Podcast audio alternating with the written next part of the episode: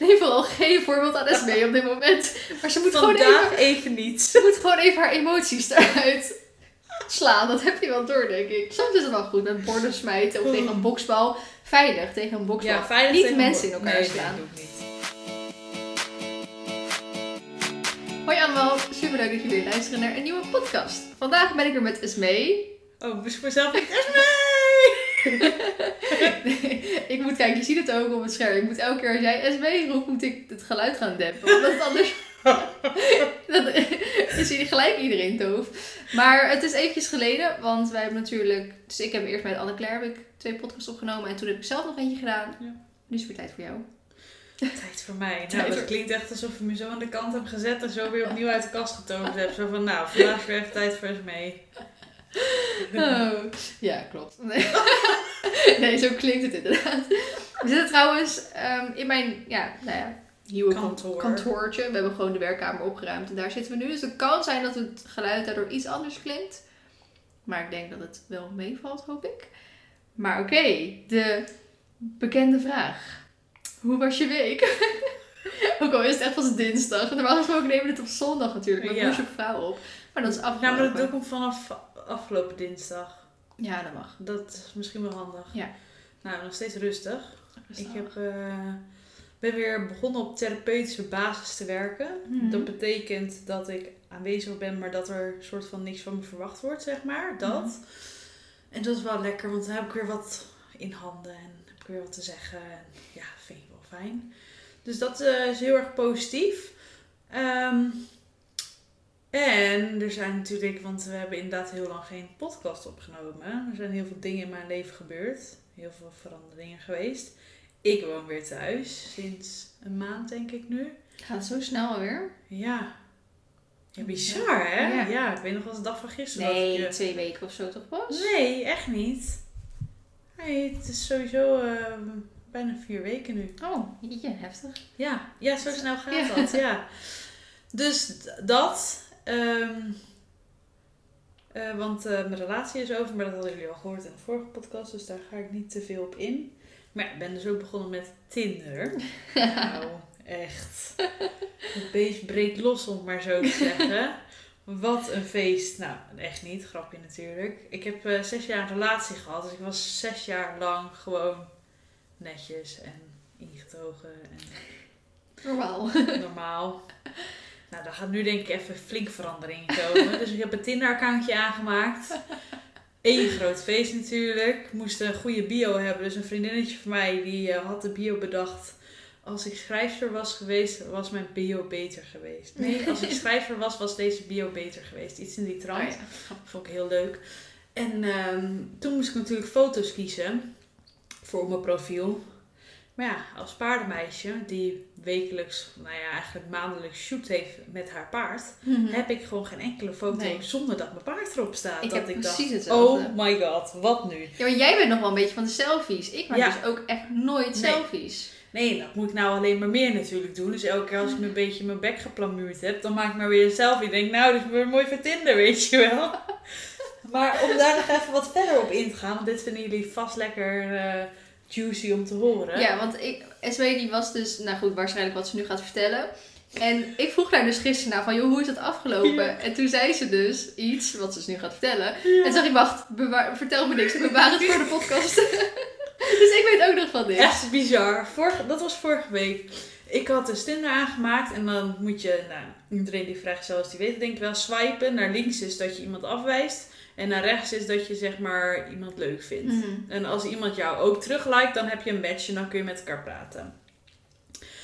Ik had me echt al helemaal suf geswiped, want er zat echt niks tussen. Want door die corona zit iedereen op Tinder. En Mm. sommige mensen wil je echt niet tegenkomen. Be oude bekenden, weet je wel. Dat je denkt, oh shit. Sommige denk je van, oh, die wil ik eigenlijk liken om te kijken, word ik teruggeliked? Mhm. Dat doe je dan ook, hè.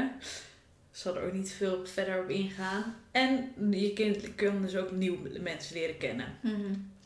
Dus met swipen werd ik in één keer werd mijn interesse gewekt bij een jongen die had een hele leuke bio met, eh ben me er niet op vast hoor, maar iets van ehm, eh, pff, de kussens op, z'n- op de bank verdienen ook wel een avondje vrij. Wie heeft er zin om te knuffelen? Ja, en daaronder stond van, ik ben direct, eerlijk en ik hou niet van ehm, besluiteloosheid. Maar verder ben ik wel lief. Ja. Nou, zo'n foto's was niet dat ik dacht van, nou, dit is, dit, dit is echt een knappe boy. Maar ik dacht van, oké, mijn interesse werd gewekt door zijn bio. Ja. Dus ehm, ik had hem geliked. En diezelfde avond werd ik teruggeliked. En meteen op het moment dat hij mij likte, kreeg ik meteen een berichtje. Hmm.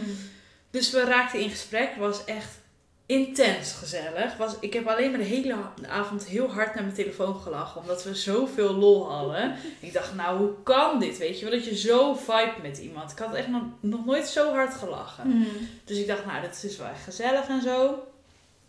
Dus eh doorgetinderd, zeg maar, tot eh, half drie s'nachts. Ja, bizar. Ja. Mijn telefoonnummer gegeven met een, iets, met een, berichtje erbij van, nou, eh, als je me nog niet zat bent, eh, app me morgen maar. Iets in die trant. Ben me niet, niet op vast, want ik kan het Mhm. gesprek ook niet meer terugvinden. Komt zo. Hmm. Dus volgende ochtend, ik werd wakker. Ik dacht, nou ja, als je zo'n leuk gesprek met iemand hebt gehad. Dus ik ben echt fucking naïef. Ga het me niet vertellen. Ja, ik weet het nu. Ik ben naïef. Oké. Ik had geen berichtje. Dus ik dacht, nou, dat is wel jammer. De hele dag geen berichtje gehad. Dus ik vond het maar gek. Maar ik had jou inderdaad s'avonds al een bericht van, nou, ik heb zo'n leuke match. Ja. Dit, is echt, dit, dit is echt bizar. Hmm. En iedereen vroeg aan mij van, eh, ja, waar komt hij vandaan, bla bla bla. Maar ik wist het allemaal nog niet zo goed. Want hij was wat dat betreft een beetje vaag en aftastend. Dus ik dacht, Mhm. nou, dat, vond- dat triggerde mij heel erg. Ik vond dat heel interessant. Hmm. Dus ik dacht van, het zal wel zo horen. Dus mijn vriendinnetje zei van, Evelien, die is eh 30 en die heeft heel Tinder al uitgespeeld. En alle dating apps erbij, weet je wel. Die zei van, ja, als je moet wel voorzichtig zijn, dit en dat. Ik zeg, ja, ik ben super voorzichtig.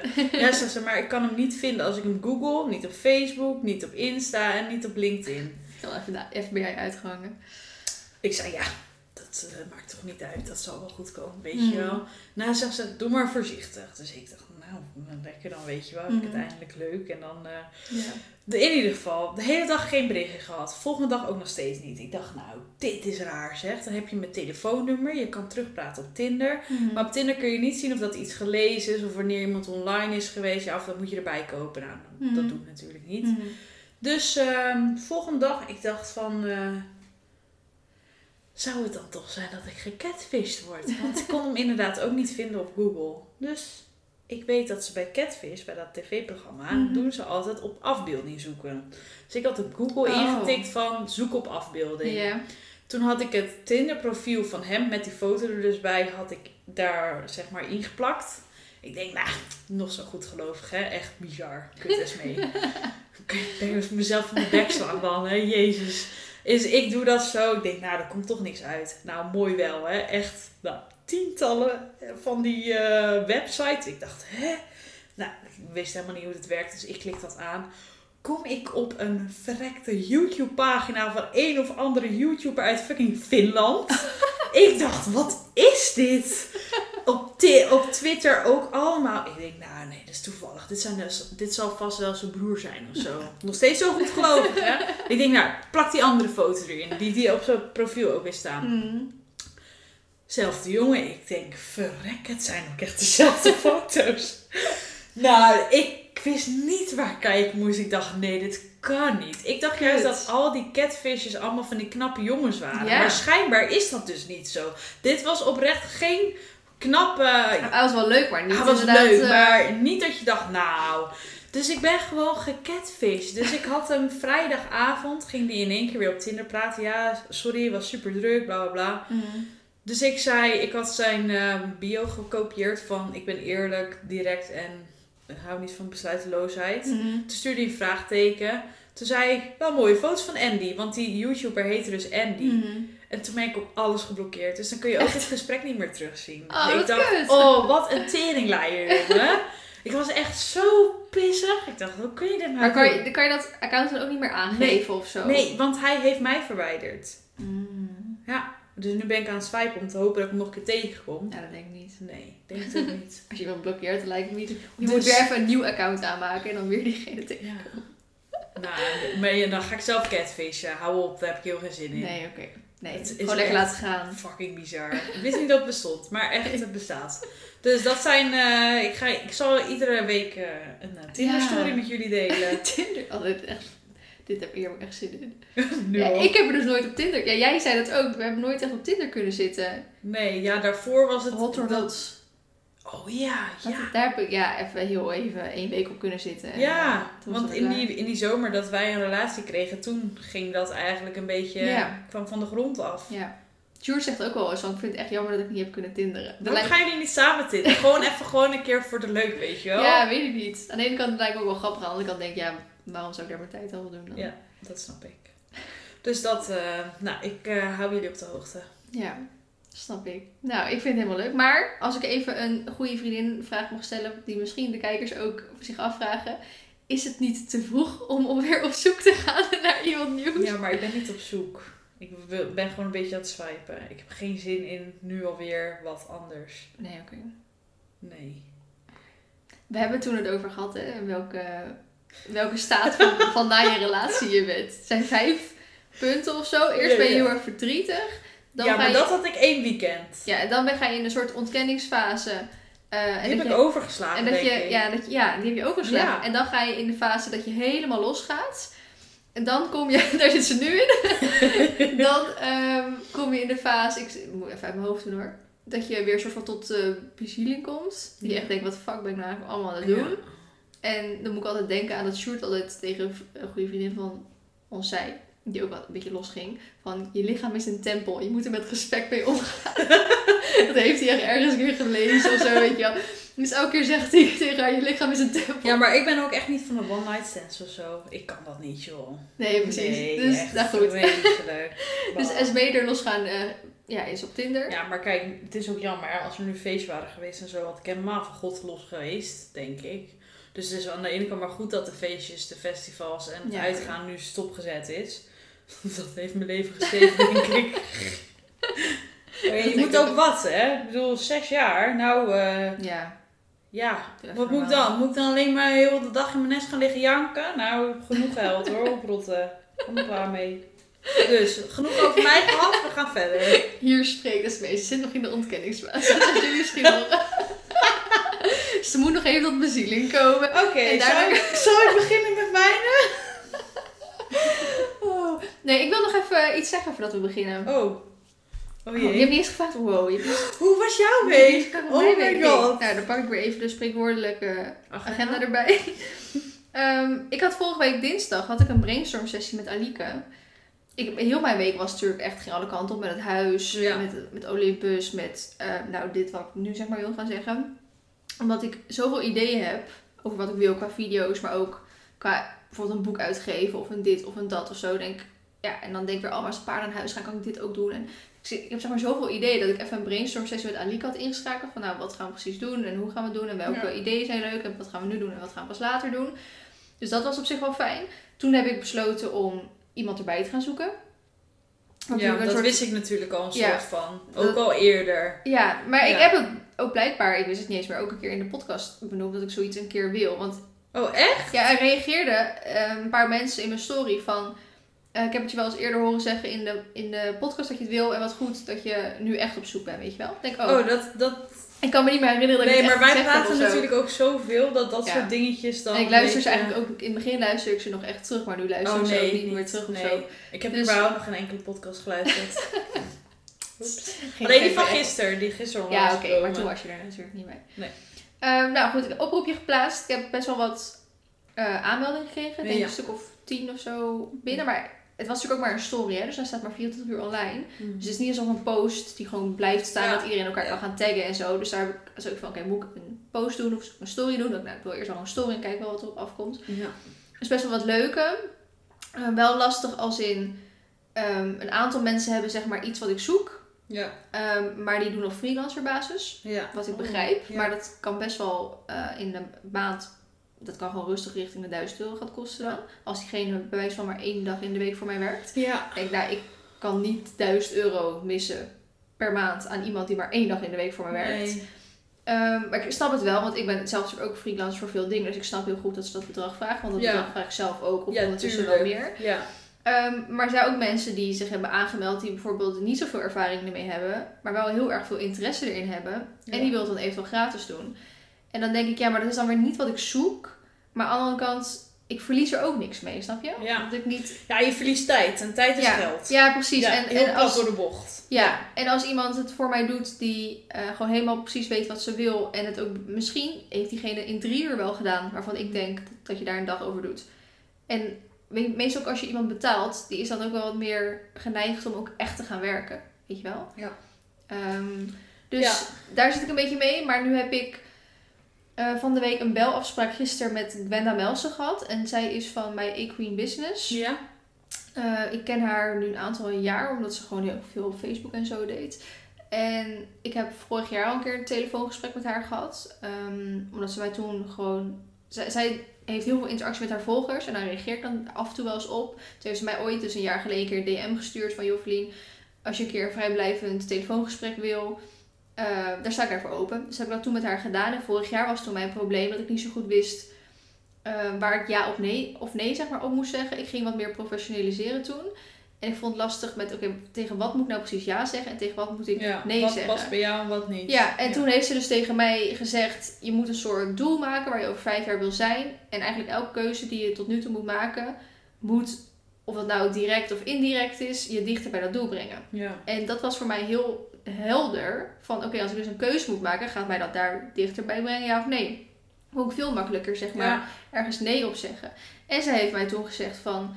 eh, zo te horen heb je niet helemaal de juiste mensen om je heen die jou helpen om verder te komen. En toen ben ik dus ook... Zij heeft mij in contact gebracht met Miranda, omdat Miranda een traject bij haar volgt. En Miranda is natuurlijk nu mijn manager Mm. al een jaar lang. Eh, super tevreden. Dus zij heeft mij toen heel erg geholpen. En nu zag ik haar, ik volg haar nieuwsbrief. En eh, nu had ze dus weer zoiets van: joh, ik heb wat tijd in mijn agenda gepland. De, de eerste, de beste die komt. Ik heb een paar plekken voor een vrijblijvend telefoongesprek. En we zien dan wel weer of ik je alleen met een telefoongesprek kan helpen. Of dat je bij mij in een soort traject komt. Dus wat je dan natuurlijk moet betalen. Dus ik had daar natuurlijk direct op eh, gereageerd. Want ik had weer een, inderdaad een beetje dingen van ja, ik heb zoveel ideeën, maar ik weet niet zo goed welke kant ik op moet. Dus toen heb ik een gesprek met haar gehad. super fijn, eigenlijk maar een half uurtje. En toen was het eigenlijk al duidelijk wat, wat mijn probleem is. En dat is dat ik geen focus heb. Omdat ik dus, ik vind alles leuk. Ik ben heel creatief. Ik, ah, ik, vind, ik ben bezig met de video's. En daarvan wil ik de kwaliteit verbeteren. Maar ik ben ook, mijn Instagram pagina waar ik straks 100.000 volgers ga halen. Maar ik heb ook die andere pagina weer een beetje uit de slijk getrokken waar ik iets mee wil gaan doen. Ik wil iemand aannemen. Ik wil graag misschien een boek uitgeven. En ik heb ook vijf verschillende ideeën voor vijf verschillende boeken. Ik denk misschien is het leuk om een keer iets van een spel uit te geven. Of weet je wel, en de kledinglijn. Dus ik zit met zoveel dingen dat ik soort van door boom het bos niet meer zie met waar ik nou precies Sta. ja, maar ook waar ik mijn aandacht op moet vestigen. Want het heeft geen zin om op al die dingen tegelijk mijn Nee. aandacht te vestigen. Nee. Dus toen heeft ze ook gewoon duidelijk gezegd van ja, Vlien, je mist gewoon focus. Ehm, kijk gewoon wat je aankomend half jaar wil bereiken. Op welke plek. En zet, parkeer de rest gewoon even in de koelkast. Want ik weet ook, dit jaar ga ik nog geen boek schrijven. En daar kan ik nu wel helemaal leuk over na gaan denken. Maar als ik dit jaar toch niet ga doen, waarom zou ik er dan nu over na moeten denken? Dus dit jaar wil ik bijvoorbeeld graag weer op de kledinglijn focussen. Omdat het natuurlijk nu een beetje vaag is. Met ja, ik wil eigenlijk wel een collectie uitbrengen. Wordt een beetje moeilijk.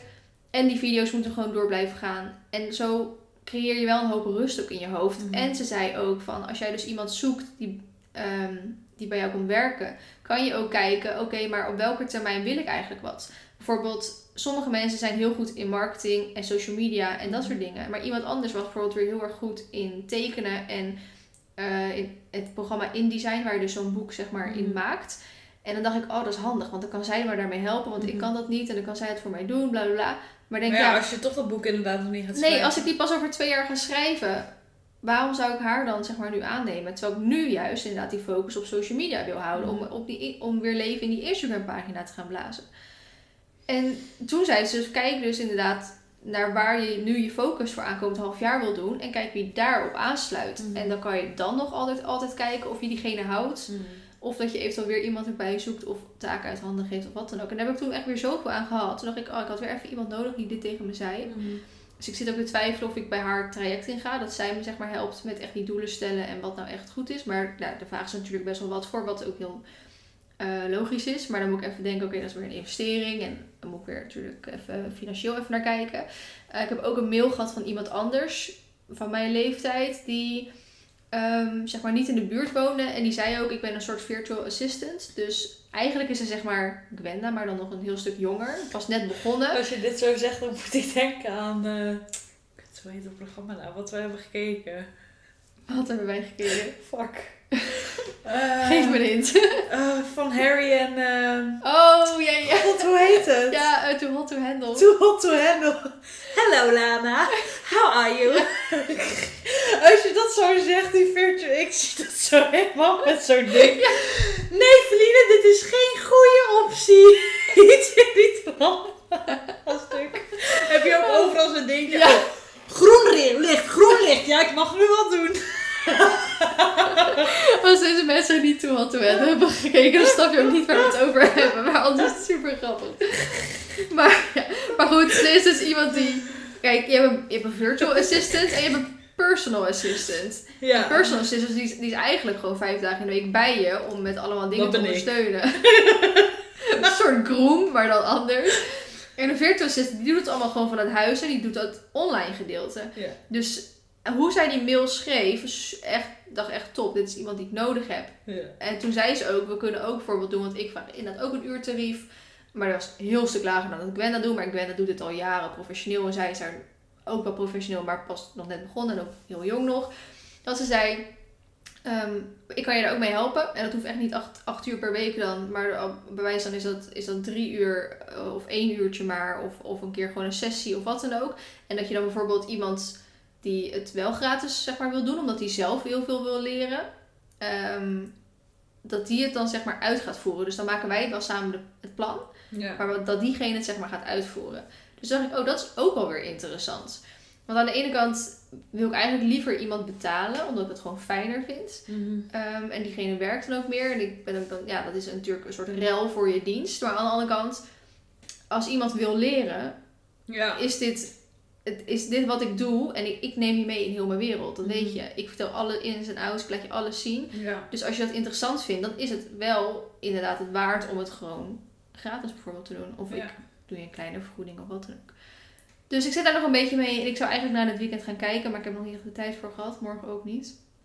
Dus ik moet even kijken wanneer ik dat eh, ga uitpluizen. En ik, maar ik denk dat ik uiteindelijk toch gewoon een soort sollicitaties ga doen. Ja, ik denk dat je mensen ook gewoon even in het echt moet zien. Want je moet een Ja. soort van...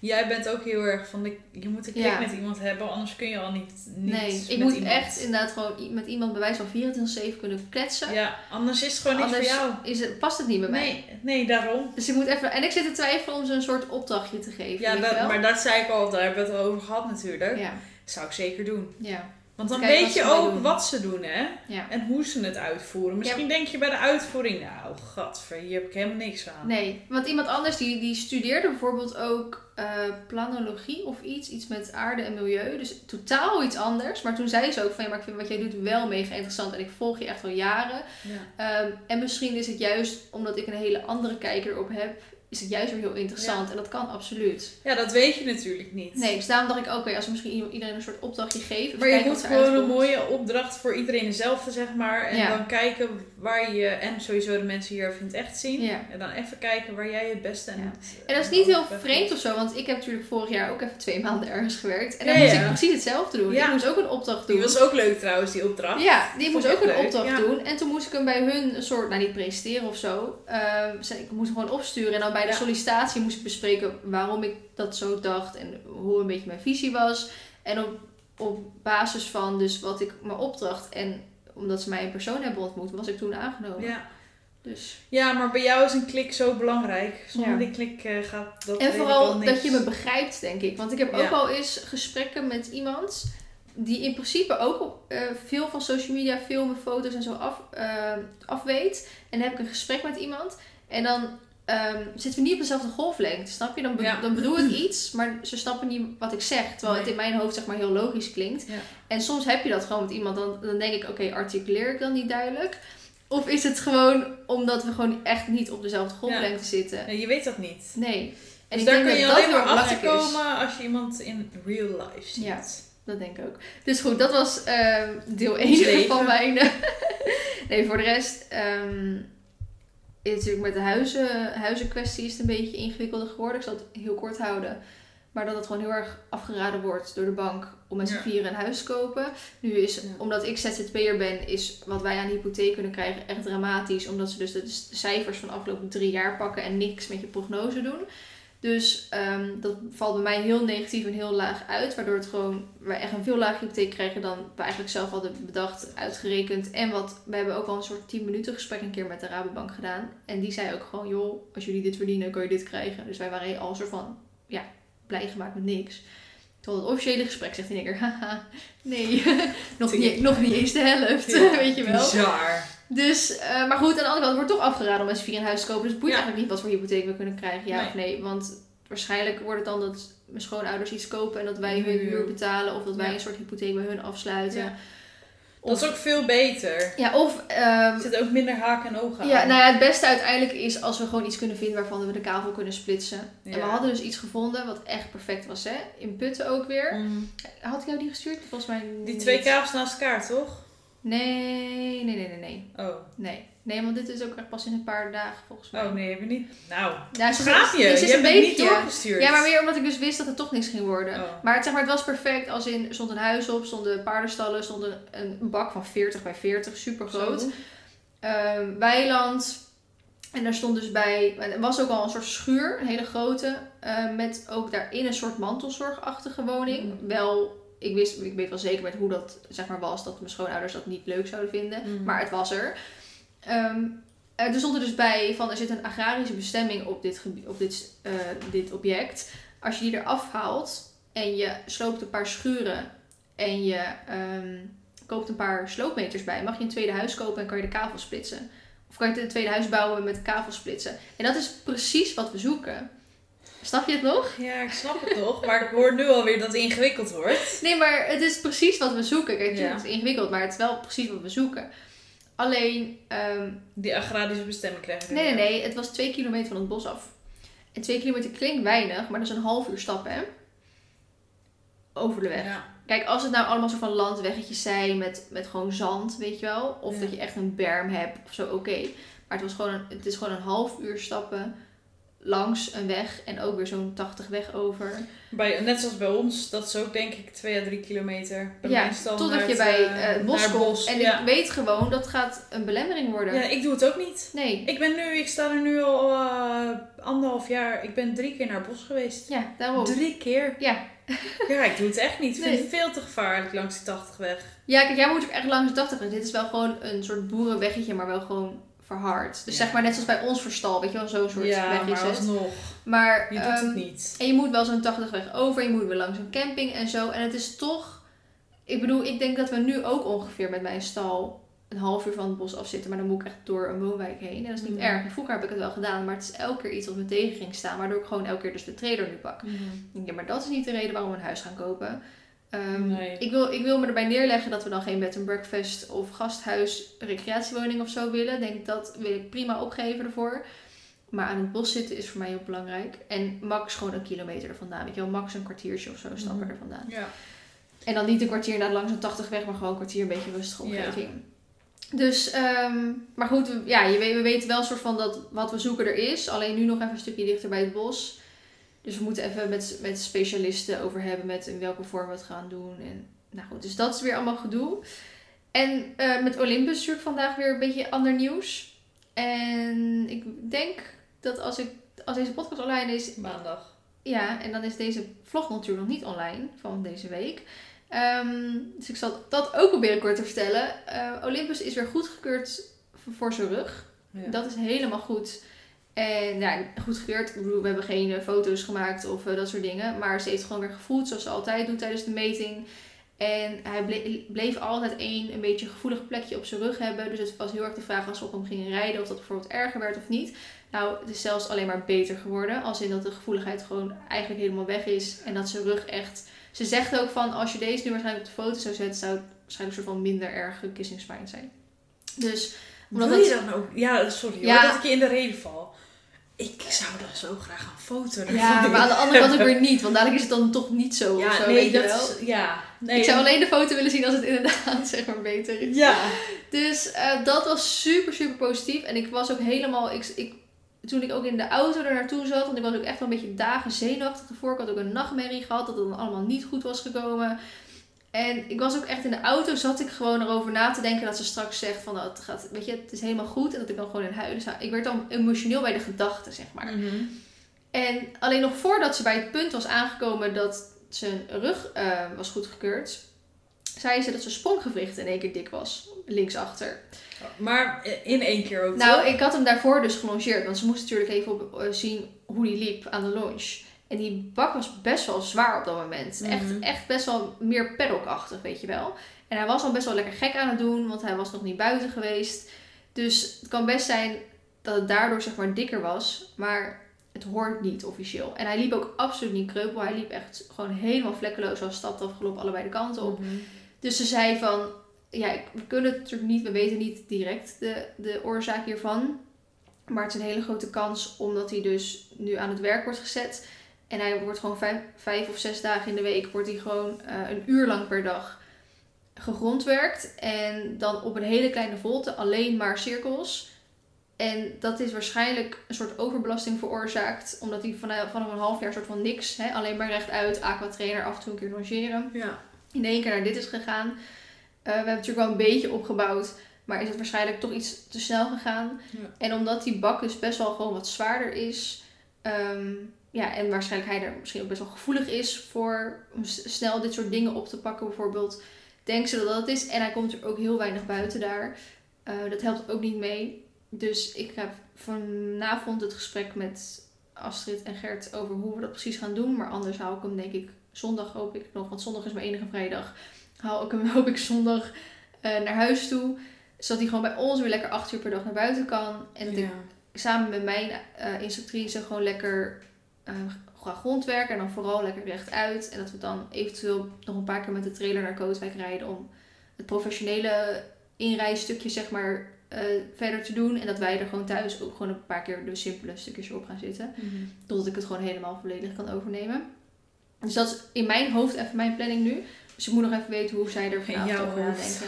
Ja, maar aan de andere kant is mijn paard. Dus als ik het wil, dan, Ja, dan en het. jij moet doen waar jij je goed bij voelt. En jij weet wat het beste is voor je paarden. Ja, en het nadeel dus, is alleen dat... dus ik- ja, I got your back. Ja, wat fuck. Ik help wel verhuizen hoor. Geen probleem. Maar eh, Nee, dus het enige Nee. is alleen dat... ehm, omdat we hadden verwacht dat hij dus eigenlijk pas half juni tussen terugkwam... ja. heeft Astrid nu zeg maar geen paardenstal voor maar wel een ponystal. En, Maar daar heeft ehm, hij toch toen hij net bij jullie op stal stond ook even ingesteld. Ja, precies. Alleen dit is een. eh, bij, je bent bij, bij ons natuurlijk op Mhm. stal geweest. Je hebt, als je voorbij Marley's stal loopt, heb je rechts die ponystal met die, met die dubbele wasplaats. Het is direct die box die tegenover die dubbele wa- wasplaats staat. Dus. Het is de drukste plek van heel de stal. Ja. En je kent Olympus, Ja. Die gaat daar niet gelukkig Maar worden. dat is voor twee weken dan. Ja, maar we hadden bedacht, we kunnen eventueel Marley en Olympus even twee weken omdraaien. Oh ja. Dat we Olly gewoon in Marley's stal Ja. zetten. En dat Mar, we Mar dan in, eh, even niet- nou, want Mar is- al. Want ze zegt ook, ehm, we hebben nu een paar, zeg maar, die stal wordt gewoon heel veel gerouleerd, omdat het gewoon elke keer aankijken is of zo'n pony zo'n drukke plek aan kan. Sommige ponies vinden dat super leuk en die vinden dat helemaal leuk dat iedereen er is. En sommige, ja, die, die Ja. worden er helemaal gek van, zeg maar. En we hebben nu een paar keer gehad dus dat het geen match was met de pony. Ehm, en ze zegt, er komt vanaf 1 juli komt er iemand met echt een super mak lief beestje die helemaal daar prima past. Ehm, maar, en Marley is ook perfect daarvoor. Want Marley vindt ook helemaal prima. Die is super rustig. En als er dan een keer wel iemand voorbij komt, vindt hij het inderdaad alleen maar leuk en gezellig. En Olly is daar gewoon niet geschikt voor. Die is Nee. veel te aanwezig.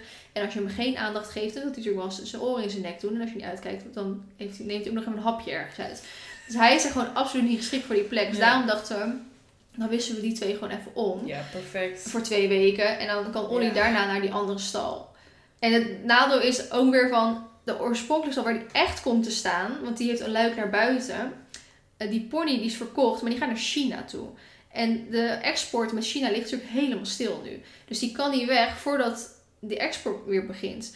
Dus er komt in ieder geval over twee weken een paardenstal vrij, maar dan nog zonder luik naar buiten. En dan als die pony zeg maar naar China gaat, of het paard naar China gaat, dan kan Olly weer naar die ja, stal toe. want die stal heb je al een soort van gereserveerd, Die is van toch? mij. Ja. En er was, ik was eigenlijk een andere stal, die ernaast was eigenlijk van mij. Alleen er was iemand anders, eh, die had een tweede paard erbij gekocht. En die stond dus ook tijdelijk in een ponystal. Maar omdat ze toch dachten, oh Olympus duurt iets langer voordat hij thuis komt, geef ik alvast die stal aan haar. En Ja. ze natuurlijk met mij overleg gehad, dus ik zei prima, doe maar.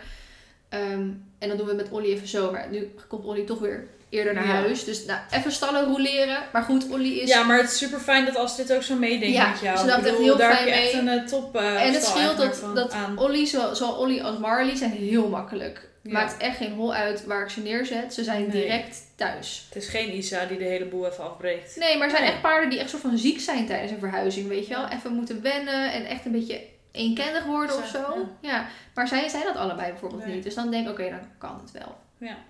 Dus dat was alles wat ik afgelopen week heb Hoe meegemaakt. lang zijn we al bezig? 35 minuten. En we moeten dan nog beginnen. Goed, ik begin wel met mijn... eh, Ja. Maar is iedereen helemaal bijgepraat? Ik vind het lastig om dit in mijn video's te gaan Ja. doen. Want je ziet alweer hoe lang ik aan het Ja, praten maar ben. daarvoor hebben we die podcast Ja. natuurlijk ook. Maar jij had drie onderwerpen. Ik weet niet of drie dan nu nog zo handig is. Ik eh, pak er wel één anders. Ja. Of echt, echt, echt heel kort op die andere. Oké, hey meiden. Ik zit met een probleem tussen mijn vrienden.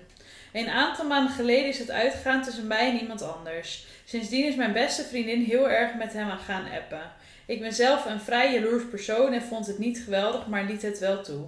Uiteindelijk kregen mijn vriendin en ik ruzie. Dat was niet goed meer uit eh, te praten en ze ging dus achter mijn rug om met mijn ex erover praten en mijn eh, twee andere beste vriendinnen. Die meiden hebben het opgenomen en eh, aan mij laten zien.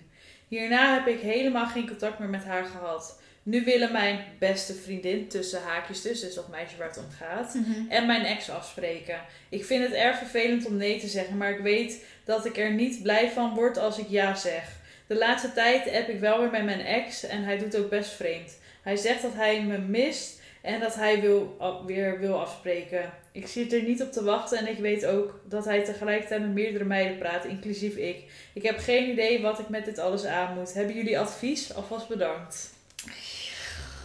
Soms dan vraag je, zie je het wel eens in films gebeuren of zoiets, toch? Dan vraag ik me echt af, gebeurt dat inderdaad echt? Maar dat gebeurt gewoon echt. Gebeurt Dat je- echt. Mijn ex vroeg van vroeger, niet van nu zeg maar, Mhm. maar van echt eh, van vroeger. Die ging vreemd met mijn beste vriendin. Ja, ik kreeg het pas een jaar later te horen, hè? ja, dat kun je Ja. je niet voorstellen Nee, hoor. Het gebeurt bizar. dus echt. Dan zou ik moeten, moeten nadenken dat Sjoerd met bijvoorbeeld met jou, Ja, of met Anissa, of weet je wel. Maar je hebt gewoon een girlcode.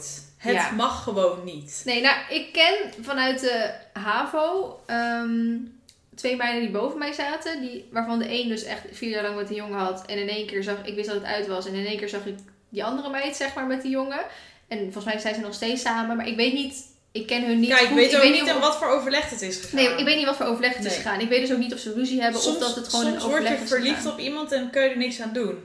Maar dit en dat die ex dan nu gaat sturen, ik wil weer afspreken en Ja. ik mis Ja, maar je. als je inderdaad- Rot op. Echt, gooi je met zijn hoofd tegen de muur aan. Fuck hem. Niet doen, niet afspreken. Beste vriendin, hoop, hup, de deur uitzetten. Dat soort mensen moet je gewoon niet om je heen hebben. Nou, twee dingen. Aan de ene kant, ehm, ja, de, inderdaad, helemaal gelijk. Weg met sowieso, ge- gewoon die, zowel die vriend als die vriendin, Ja, allebei uit je leven. Ja. Eh, maar als zij willen afspreken, op, op het soort van volwassen manier, en dan noem ik het even volwassen manier, zover dat gaat, eh, te, hun kant van het verhaal een soort van te vertellen. ja, maar welke kant? Ja, maar en dat zij dan ook haar kant mag vertellen. Ja, Van ik vind het niet tof dat jullie dit gedaan hebben. Ja, maar al, je kan het beter uitgepraat Ja. hebben. In hoeverre Ja, dit valt uit te praten dan wat dat natuurlijk. betreft weer wat eh, verstandiger. Ja, maar je kan het beter, ook al is de situatie helemaal kut. Hij is toch al kut. Dus kan je net zo goed. Kutter kan hij niet nee, worden. daarom. Dus, dus eventueel als jullie inderdaad allebei volwassen elkaars verhaal kunnen aanhoren. Ja. Zeker doen. Want dan kan je het eventueel laten rusten. Nou, het is nog steeds kut, maar dan kan je het wel laten rusten. Ja. daarna. Dat vind ik wel En inderdaad dan- een goeie. Inderdaad, allebei uit je leven weg. Ja. Want dit en dat die jongen ehm, Die weer jongen terugkomt echt- en met anderen aan het appen is. teringmond, jongen. Jezus. Ja, echt. Ik snap dat gewoon niet. Ik snap gewoon niet hoe je zo kunt zijn. Ja, echt. Geef hem anders even zijn nummer aan mij. Dan gooi ik hem maar met zijn kop tegen de muur aan. Zeg ik dat hij even normaal moet doen. Ik denk dat SB nog wat woede bij zich draagt. Ja. Van heartbreak. Oh, man. Man, man, man. Wat een ellende. Maar oh, boys, echt. Daarom wilde jij dit onderwerp uitkiezen. Ja, ik dacht zo, even los. Even lekker Even, los. even, ja, even, ja. Doe je nog boksen, meid, of niet? Ja, nou... Ja, oké. ik ga het even snel vertellen. Sportscholen zijn dicht, toch? Ja. Ja, nu kan ik buiten boksen. Maar daar heb ik geen paal, dus ik kan mijn agressie niet kwijt. Hoezo kan je niet... Omdat een paal, daar komt weer zweet op en dat mag dan weer niet. Je Ja, hebt toch handschoenen aan? ja maar dat, dat mag allemaal niet. Oh. Dus Dus ja, dan kan je agressie niet kwijt. Dus ik dacht, dan heb je wel van die mooie pads. Dan kun je zeg maar één iemand met de pads en Ja. dan de ander staan. Mag ook niet, want dan heb je geen anderhalf meter. Dus nu heb ik een soort van ja, conditietraining buiten gehad. Maar ben nog steeds inderdaad niet die lekkere agressie kwijt die ik normaal op die boksbal eh, uitoefen. Dus daarom werken. zeg ik, als de verkeerde hier voor me staat, kramp gewoon je hele porum even naar de kloot. Nee, doe ik niet. Maar Luister zo ook kinderen voel naar ik deze me podcast. soms wel. Luister gewoon kinderen naar deze podcast. Neem vooral geen voorbeeld aan Esme op dit moment. Maar ze moet, gewoon even, even niet. ze moet gewoon even haar emoties eruit slaan. Dat heb je wel door, denk ik. Soms is het wel goed met borden smijten of tegen een boksbal. Veilig tegen een boksbal. Ja, veilig Niet mensen in elkaar nee, slaan. Nee, doe ik niet. Maar dat is Hier even... heb je ook die mooie spiegel in de gang. nee. Ja, ik kan die andere, die staat nog in de berg en die is toch al gebroken. Die mag je wel slaan. Dat, eh, nee, dus is echt gewoon een no-go om terug te komen op het onderwerp. Ja. Ja, echt een no-go. Ehm, maar inderdaad, als ze willen afspreken om Ja, soort van volwassen. beide kanten van het verhaal. Hè? Dus niet alleen hun kant van het verhaal en dan hopen dat ze begrip tonen. Of dat, dat jij begrip toont voor hun. Nee, beide kanten van het verhaal. En gewoon zeggen dat het echt niet kan. En eh, fijn dat jullie het zo hebben kunnen uitpraten, maar dat wel daar jullie wegen scheiden. Ja, ja. Tenminste, dat is Ja. hoe ik het zou doen. Ik ben- ken natuurlijk niet alle details. Dus je moet vooral doen waar je jezelf goed bij voelt. Dus als jij niet in gesprek wil gaan, moet je dat natuurlijk ook gewoon Ook lekker niet zelf weten. Of je bent er nog niet klaar voor of iets. Maar focus je alsjeblieft op de lieve, supportende mensen om je heen. En niet deze toxic mensen. Amen. ik zag je echt zo kijken. Oh. Ja. Ja? Ja, Oh, misschien kan ik dan toch gewoon drie onderwerpen doen. dat ging wel heel snel. Ja, Ja, ging- ik dacht dat we hier wel langer bezig waren. Ik dacht toen jij zei dat het daarover ging, dacht nou, daar komt het. Mm. Het viel mee vandaag. Oké, fijn. Ik ben kort van, kort van stof. Kort maar krachtig. Iets te krachtig. Ehm, ik heb dus, wat ik zeg, drie... ik heb dus drie onderwerpen uitgekozen. Omdat Esme dus een niet-paardenonderwerp had, moet ik een wel-paardenonderwerp uitkiezen. Eh, alleen twee daarvan die voorbij kwamen, kunnen gewoon heel kort en snel, kort en krachtig, dus ook weer op reageren. En die ander is een wat langer verhaal en kunnen we ook wat langer dan op die, dieper op ingaan. Doe die maar het laatste. Oké, de eerste is. Hey vrienden en Esmee, ik rij al ongeveer 7 of 8 jaar paard. Ik zelf loop best wel achter met mijn groei en ben dus heel klein voor mijn leeftijd. Ik ben 14 en 1,40 meter. Als iemand in de paardenwereld voel ik me vaak onzeker over. Als iemand in de paardenwereld voel ik me vaak onzeker over. Iedereen die je vaak ziet in de paardenwereld is vaak wat groter en dat geeft best veel onzekerheden. Ook zijn er kleine dingen zoals halsjes omdoen bij grote paarden, grote paarden rijden, die het moeilijk maken om je zeker te voelen. Op de manege werd ik vaak als achtjarige behandeld, wat echt lastig was. Daar kreeg ik weer twijfels van of ik echt verder wil met het rijden. Mijn vraag is dus, moet je groot, tussen haakjes in lengte zijn, om goed te rijden? Of zijn er mogelijkheden als klein persoon om verder de paardensport in te gaan? Ik hoop dat jullie hier misschien een antwoord op kunnen geven. Veel groetjes, een groot fan van jullie podcast. Anoniem. Ik weet vind je het echt zielig dat ze zich zo voelt. Ja, nu... Ik ben jaloers. 1,40 meter. Nou, echt. Nee, nu is 1,40 natuurlijk wel best wel klein. En ik snap echt wel dat je je daar heel o- Ja. zeker over voelt. Ja. Ik zeg altijd dat ik klein ben. Ook al vergeleken met 1,40 ben ik niet echt klein meer. Ik ben 1,67. Maar bijvoorbeeld een Danielle van Mierlo.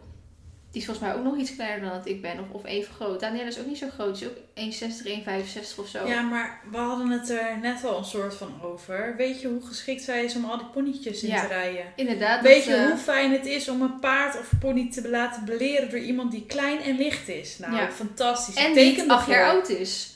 Nee. Bij ons, eh, wij hebben bijvoorbeeld op stal, omdat we bij ons ook een stukje fokkerij hebben. ehm, in dus welsponies. Dus eh, Oh, ja, die, B, eh, C ponies eigenlijk zoiets. Mm, Ja, dus heel soms een D zit ertussen.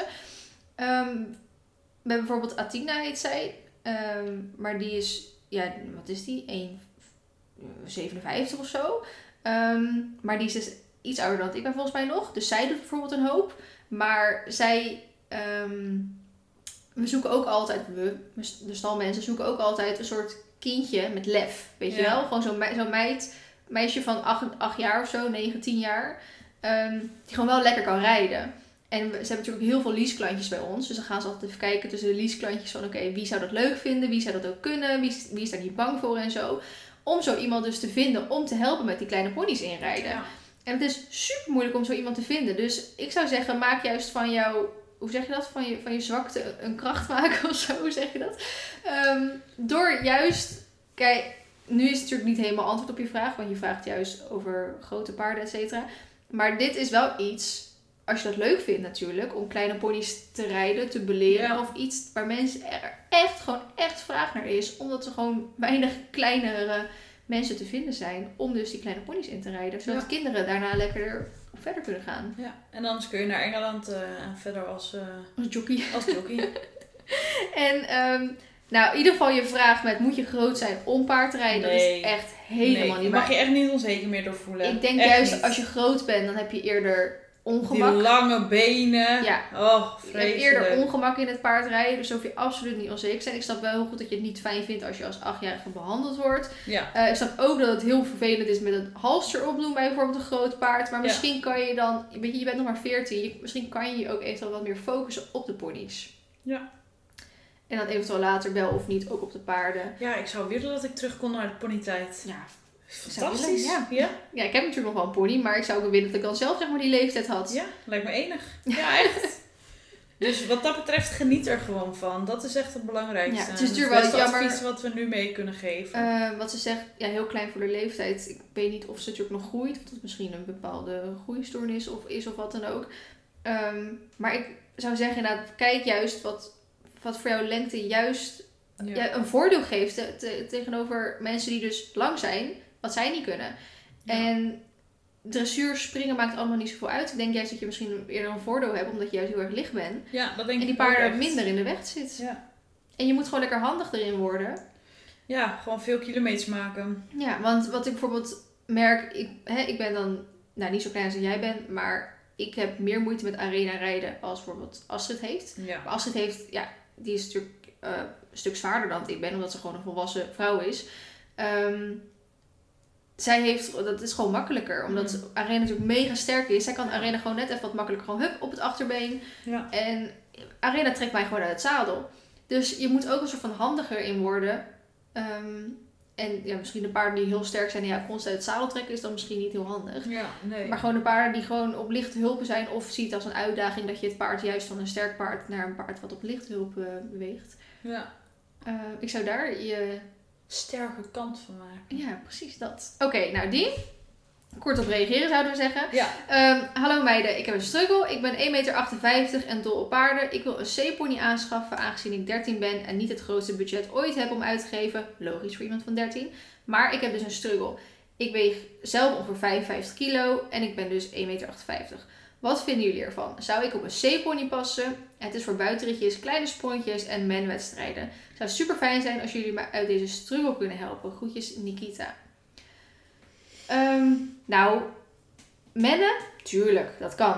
Maar misschien zoals je nu bent, kan ook nog wel een C-pony. Maar zoals je dus zegt, je bent 13 jaar oud. Ja, ga je nog groeien. Je gaat dan groeien. Ja, ik zou het dan, ik zou het echt niet aandurven dan Nee. hoor. Want dan weet je dat je over een jaar of twee jaar dat beestje weer moet verkopen om dan weer een grotere pony Ja. te kopen. En nu is het natuurlijk ook zo, het hoeft echt niet te betekenen omdat het een C-pony is, dat je budget dan niet hoog genoeg is voor een D of een E. Nee. Dat hoeft echt niet. Er zijn Nee. ook genoeg D, E of paarden Ja, ehm, voor datzelfde voor budget. datzelfde budget. Ja. Dat is absoluut zo. Dus we wilden er kort en krachtig op reageren. Wij raden af om een C-pony te kopen. Ja. Omdat je nog waarschijnlijk gaat groeien. Eh, nou, voor mannen kan het natuurlijk prima. Maar zeker ja, bij die kleine sprontjes. Waarschijnlijk kan dat nu nog. Maar dan moet je over een jaar weer afscheid nemen. Ja. En voor datzelfde budget kan je echt wel wat eh, Wat anders. een grotere schofthoogte. Oké, nu komt het lange verhaal. Zijn we nog wakker? Jazeker, kom maar op. Beste Feline, allereerst wil ik zeggen dat je podcast echt geweldig is en dat ik hem elke maandag met veel plezier beluister. Oké, dan nu naar mijn probleem. Ik doe atletiek en paardrijden. Ik moet binnenkort gaan kiezen met welke sport ik later iets wil mee gaan bereiken. Ik ben 12 jaar. We hebben wel ik heb wel mailtjes uitgekozen van die wat jongere Ja. podcastluisteraars. Ehm, maar ik vind het altijd wel leuk, want dan. Ik, ik vind het allebei leuk, want hun kan je nog echt soort van. Kneden. Nou ja, of gewoon echt een soort van belangrijke keuzes in het leven. Ja. Die, waar ze later dan effect Ja. van merken of zo, weet je wel. Dus, ja, die keuze heb ik gemaakt door Feline en Ja. mee. Precies. dus dat vind ik gewoon leuk. Oké, nou, ik ben 12 jaar oud en heb van mijn zesde tot mijn elfde gereden. Mijn lesgeefster was ermee gestopt, dus ik ook. We waren op zoek naar nog, een an- naar nog andere plekken, maar ik hou niet echt van maneges, dus niks gevonden om te gaan rijden. Die zomer had ik een verzorgpony gekregen met een vriendin. Die vriendin was ermee gestopt, maar ik ging door. En een paar maanden geleden is die pony van mij geworden en hebben we er nog een pony bijgekocht. Deze gaan we later inrijden, want ze is nu nog te jong. Sinds kort ben ik terug begonnen met rijden bij iemand. Het is niet echt les, maar ze helpen wel. Hier rijd ik één keer in de week, omdat er ook nog andere mensen zijn die hier rijden. Ook ga ik terug les volgen. Ik vind paardrijden zo leuk, niet alleen het bereiden van de dieren, maar ook om met ze bezig te zijn. Met atletiek ben ik vanaf mijn zevende begonnen en dit doe ik ook nog altijd. En ik train drie keer in de week best wel hard. Ik doe ook wedstrijden en kan soms nog wel iets winnen. Mijn papa is mijn trainer van mijn groep. Hierdoor ga ik het heel moeilijk vinden. Als ik voor paardrijden zou kiezen om het hem te vertellen. Ik heb nog niet gekozen, maar denk er wel de hele dag aan. Ik vind beide sporten superleuk om te doen. Maar ik denk dat ik paardrijden wat leuker vind en hier later iets mee wil gaan bereiken. Ik heb een paar vragen en snap, als jullie er maar eentje uitkiezen, hoe kan ik mijn keuze makkelijk maken voor mezelf? Als ik voor paardrijden kies, hoe kan ik dan dit best, beste vertellen? En denken jullie dat dit mijn puberjaren zijn en dat ik gewoon moet doorzetten met atletiek? Dit waren mijn vragen. Sorry voor de lange mail. Groetjes. We houden van lange mails. Oh, we houden van jullie. Echt fantastisch, dit soort mailtjes. Dit vind ik echt, dit, toen ik deze las, dacht ik ja, deze moeten we behandelen. ja, behandelen. dit wordt echt, dit, dit is haar struggle. Ja, maar ik herkende mezelf er dus heel erg in. Heb jij ook geatletiek dan? eh, hockey heb ik oh, hockey. gedaan en eh Hockey. hockey. Ik kan het meteen horen, meid. nou, ik heb zowel turnen als hockey zeg maar Maar gedaan. turn heb ik ook een tijdje gedaan. Ehm, turnen deed ik ook. Ik heb nooit wedstrijden gedaan omdat ik weet niet waarom was goed. Ik heb op een gegeven moment op een hoger niveau geturnd, waardoor ik ehm, vijf keer, zes keer in de week aan het trainen was. En toen was ik echt nog jonger, want ik kan me er niet zo heel veel meer van herinneren. Maar ik had als kind ook heel veel last van migraine. En op een gegeven moment eh, had ik gewoon elke keer na eh turn eh, training, selectie, maakt niet uit, had ik migraine. En toen heb ik dus gestopt voor mijn gezondheid, zeg maar, met turnen. Dan ben ik verder gaan met hockey toen. En dat paarden, dat deed ik er natuurlijk wel altijd gewoon lekker naast. Ehm, op een gegeven moment toen ik een jaar of 13 was, toen ging ik ook een soort van, heb ik ook de, het besluit gemaakt van, oké, stop ik nu met hockey. En ga ik door met de paarden. Mhm. Want ik kocht toen Marley ook.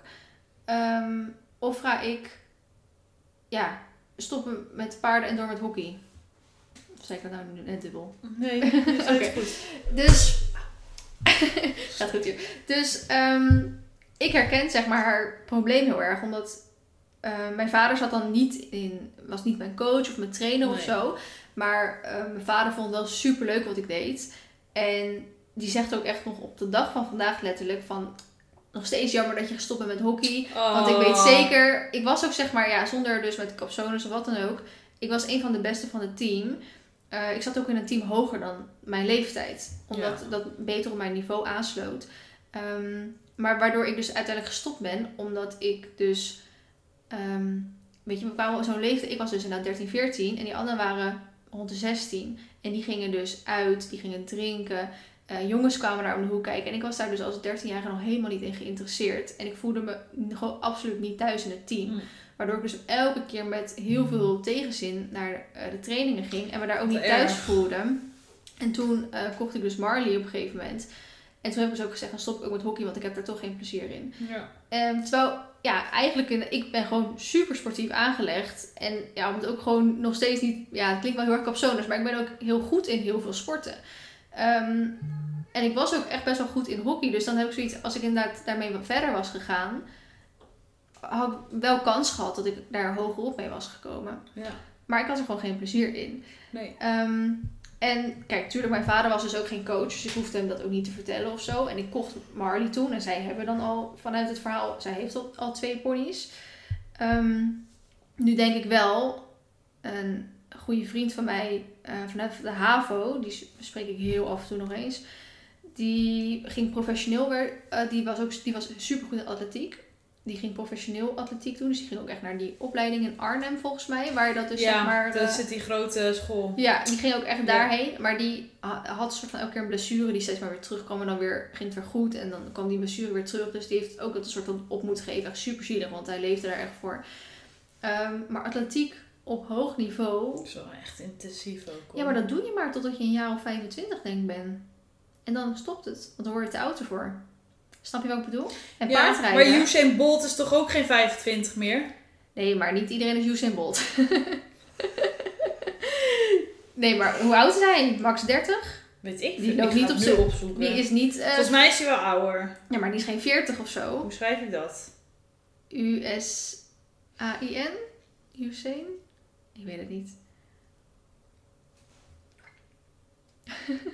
Eh 86. Uit 86 komt hij. Ja. Is die 34 nu? Maar die is toch ook... 1,96 hè? ja. Wonder Maar- u. Ehm, atletiek is wel als je zeg maar inderdaad hoger op wil komen. Ik heb nog één ding. Oh. 19 medailles voor goud, 2 voor zilver en 1 voor brons. Besef, 19 medailles voor goud. Ja, en dan zo weinig zeg maar voor de rest omdat hij altijd eerste wordt. Nou, dat is toch niet normaal? Nee. Maar Sorry. Ehm, ja. Atletiek is inderdaad meer als je. Dat moet je echt op jonge leeftijd eigenlijk al inderdaad echt mee beginnen. En dan doorgaan en eventueel dat die opleiding in Arnhem of weet ik het wel doen. Wil je daar dus groot in worden. En dat zijn echt ja, jaren in je leven dat je er heel erg dedicated daarmee bezig bent. Ja. Ehm, en of je dat wel of niet dan uiteindelijk helemaal goed uitpakt en je de volgende Olympische eh, medaillewinnaar wordt. Kijk, tuurlijk als, als, je, als je de toekomst kan voorspellen en dat is je toekomst, ja, lekker voor atletiek gaan. Maar eh, op, je, Ja. ja. op, je, dat, op een gegeven moment zit er een soort grens aan dan stopt het. ja. Ehm, en paardrijden, Er Als je- geen grens aan. Nee, maar ze zeggen natuurlijk ook wel eens paardrijden. Buiten dat paardrijden natuurlijk wel een sport is, maar ze zeggen ook wel eens paardrijden is geen sportpaard, is een soort leefstijl, weet je wel. Mm. Omdat je dat, ja, atletiek is ook op, als je het zo op zo'n niveau doet, is het eigenlijk ook wel een leefstijl. Ehm, maar ik, daar hoef je niet per se, ja, zo dedicated denk ik echt op die manier mee bezig te zijn. Nee. En dat Nee. kan je gewoon nog de rest van je leven een soort van blijven doen. Kijk, je kan natuurlijk ook dat je nu voor atletiek kiest. En Ja. kijk hoe ver je kan komen. Ja. En is dat het niet, nou, dan ga je weer lekker paardrijden. Dat kan natuurlijk ook. Ja, maar ze heeft dan wel twee ponies nu. Ja, nee, dat is zeker waar. En, en het klinkt inderdaad alsof ze het leuker vindt om paard te rijden. En ik, Ik, vond, denk dat je gewoon je eigen gevoel moet volgen. dat zegt is- Esmee altijd tegen mij. Als ik altijd twijfel, Ja, zegt Esmee... Maar jij, jij, gaat, jij vraagt altijd dingen waar je het antwoord zelf al op weet. Ja. ja, maar dat is bij haar nu ook een beetje zo. Ja, zij heeft de keuze al gemaakt. Ja. Ze Dus heeft alleen die bevestiging van ons nodig. hoe kan ik mijn keuze makkelijk maken voor mezelf? Dat is de vraag. Nou, de keuze is eigenlijk al gemaakt voor jezelf. En of eventueel wat je jezelf in de toekomst... Ja, of kijk waar je over vijf dan. jaar wil zijn. Dat je zo'n eh vijf, vijfjaren plan net als Verliezen schrijft. Het makkelijk, maar ze is nog wel jong hè, 12 jaar. Ja, dat snap is ik. echt, eh, echt nog een heel leven voor zich. Ehm, nou, als dus voor paardrijden kiest, hoe kan ik dan het beste vertellen? Nou, ik denk, ja, tenzij je echt een, een rotvader hebt die dat echt niet begrijpt. Hè, die echt zijn kind pusht eh, eigenlijk naar iets wat, wat ze zelf vaak willen. Ja. Maar ik denk dat je vader het belangrijk vindt met wat jij leuk vindt. Ja. En waar jij je plezier uit haalt. En als je hem dat gewoon rustig met hem rond de tafel zit en hem dat uitlegt, Ja, dan denk ik dat hij daar zeker wel begrip voor ja heeft. dat zou wel moeten, En ehm, dat je natuurlijk laat merken dat je erover nagedacht hebt. Ja. Dat is het allerbelangrijkste. Dat is heel De, volwassen. voor, de voor's en tegens heb overwogen. Eventueel een voordelen nadelen lijstje heb gemaakt. Ehm, ik snap nog steeds dat voor 12 jaar is dat, is dat best wel heftig voor die leeftijd zo'n keuze eigenlijk maken. Ik bedoel, op 12-jarige leeftijd. Speelde ik buiten. Ja. Met zandkastelen. Precies. De- dus ik vind het al moeilijk om op. is het, als je 15 bent, moet je die keuze maken op de HAVO om eh, welk profiel je gaat kiezen, weet je wel. Of de MAVO, Ja. ik weet niet of dat op de MAVO ook zo is. Ik denk het wel gedeeltelijk. Weet ik niet meer. Ik heb de hele tijd geschrapt. dus ik vind het dan moeilijk om op een 15-jarige leeftijd te kiezen. Oké, Ja. wil ik een E&M profiel of een NT profiel of wat dan ook. Laat staan dat je op 12 jaar moet kiezen. Wil ik eh, atletiek eh, op hoog niveau gaan doen of paardrijden op, op eventueel hoog niveau. Ehm, dus ik snap heel goed dat- dat de keuze heel lastig is. Ehm, denken jullie dat dit mijn puberjaren zijn? Haha, en dat ik gewoon moet doorzetten met atletiek? Eh, nou, nogmaals, doe echt waar je jezelf Goed bij voelt. ja, maar ook Dat is zo belangrijk. als je dus nadenkt over de toekomst, een soort van, met hoe dat een beetje zou gaan, voel je je dan, krijg je dan een beetje, denk je echt, yes, hier heb ik echt zin in bij atletiek? Of denk je nou, oké, omdat het moet, vooruit, Ja, Zie omdat het mijn wel. vader de coach is, doe Ja. ik het maar. ja, dat. Ja, Ik denk, ehm, volg je hart. maar ik denk zeker niet dat het een puber, nee. Het is meestal meer bij puberjaren dat, dat ze juist willen stoppen met paardrijden, omdat dan Ja. andere dingen interessant worden. Ja. Dat is meestal je puberjaren. Dus als jij je puberjaren doorkomt, inclusief een paard, is dat best wel knap altijd. Ja, Dat is echt ja zo. dat is echt zo. Dan ben je forever een penny girl. Ja, weet je hoeveel mensen er. eh en ze dus op een stoel die heel erg kraakt. Dus als ze één keer beweging maakt. Hallo, besef dus hoe lang ik al stilgezeten Ja. heb hè, voor mijn doen. Ik bedoel, ik word getest op ADHD. Dan moest ik ook beantwoorden hoe lang ik stil kan zitten. Nou, ik, ik weet niet hoe lang het is, maar ik zit echt al de hele tijd een beetje zo gewoon heen. Ja, het is jammer dat je geen camera bij je hebt, hè, maar gewoon helemaal zo stil. Ja, Nou, dat is echt een complimentje waard. Dankjewel. trots. Oké, goed. Nu heb ik honger. Zullen we nu gaan eten? Ja, is goed. We moeten ook eh, over drie kwartier weg. Oké, nou ik hoop echt dat jullie er wat aan hebben gehad. Geef ons alsjeblieft een soort feedback. Als in. Dat hebben we, krijgen we niet zoveel volgens mij, toch? Ja, eh, hallo, mijn DM stroomt elke keer vol hoor. Ja, oké. ja. Maar niet op alles. Nee, niet op alles. Nee. Stuur ons of weer gewoon een mailtje naar podcast.hinneke. ehm Hinniken. of inderdaad even een Insta-DM met wat je eraan hebt gehad. Ja. Of je de keuze makkelijker is gemaakt, ja of nee. Ehm, Ja, let Dat us echt, know. eh, Ja, wij zijn heel benieuwd. ja, echt heel... Ja, we doen dit niet voor niks. Hè? We willen ook wel een beetje weten of je er wat aan hebt gehad. En Ja. of we het leven wat makkelijker heeft gemaakt. Ja. Oké, ja? Ja. Bedankt voor het luisteren allemaal. En ik zie jullie sowieso volgende week. Nog geen idee wat voor vormen. En met jou, ik denk maar over, over twee weken, denk ik. ja, het ligt aan wanneer ik uitgenodigd word. Of dat ik weer in de kast gestopt word. Zo van, nou ja, kijk wel even wanneer het nou, eh, dag! Dag!